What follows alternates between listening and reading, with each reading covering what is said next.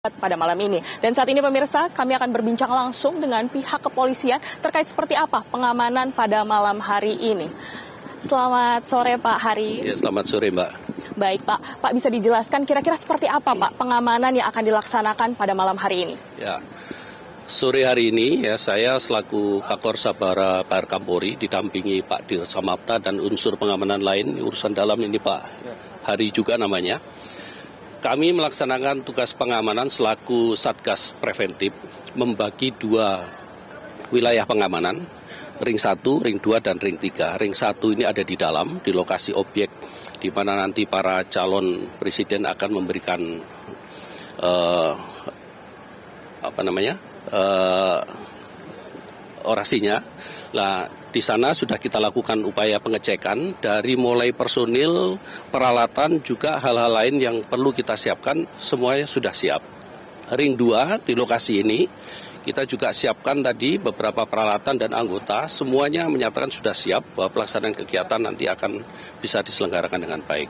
Dan ring 3 kita juga gelar pasukan untuk pelaksanaan kegiatan pengamanan dari mulai pasukan perintis termasuk juga lalu lintas yang saat ini sedang melakukan upaya rekayasa manakala nanti rombongan para tamu undangan hadir tidak terjadi kemacetan ataupun gangguan lalu lintas yang lain.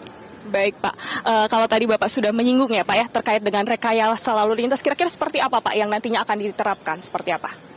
Untuk teknisnya nanti Direktorat Lalu Lintas Polda Metro. Jadi kita khusus untuk ring 1 dan ring 2, bagaimana kesiapan anggota di dalam pelaksanaan kegiatan pengamanan ini bisa terselenggara dengan baik.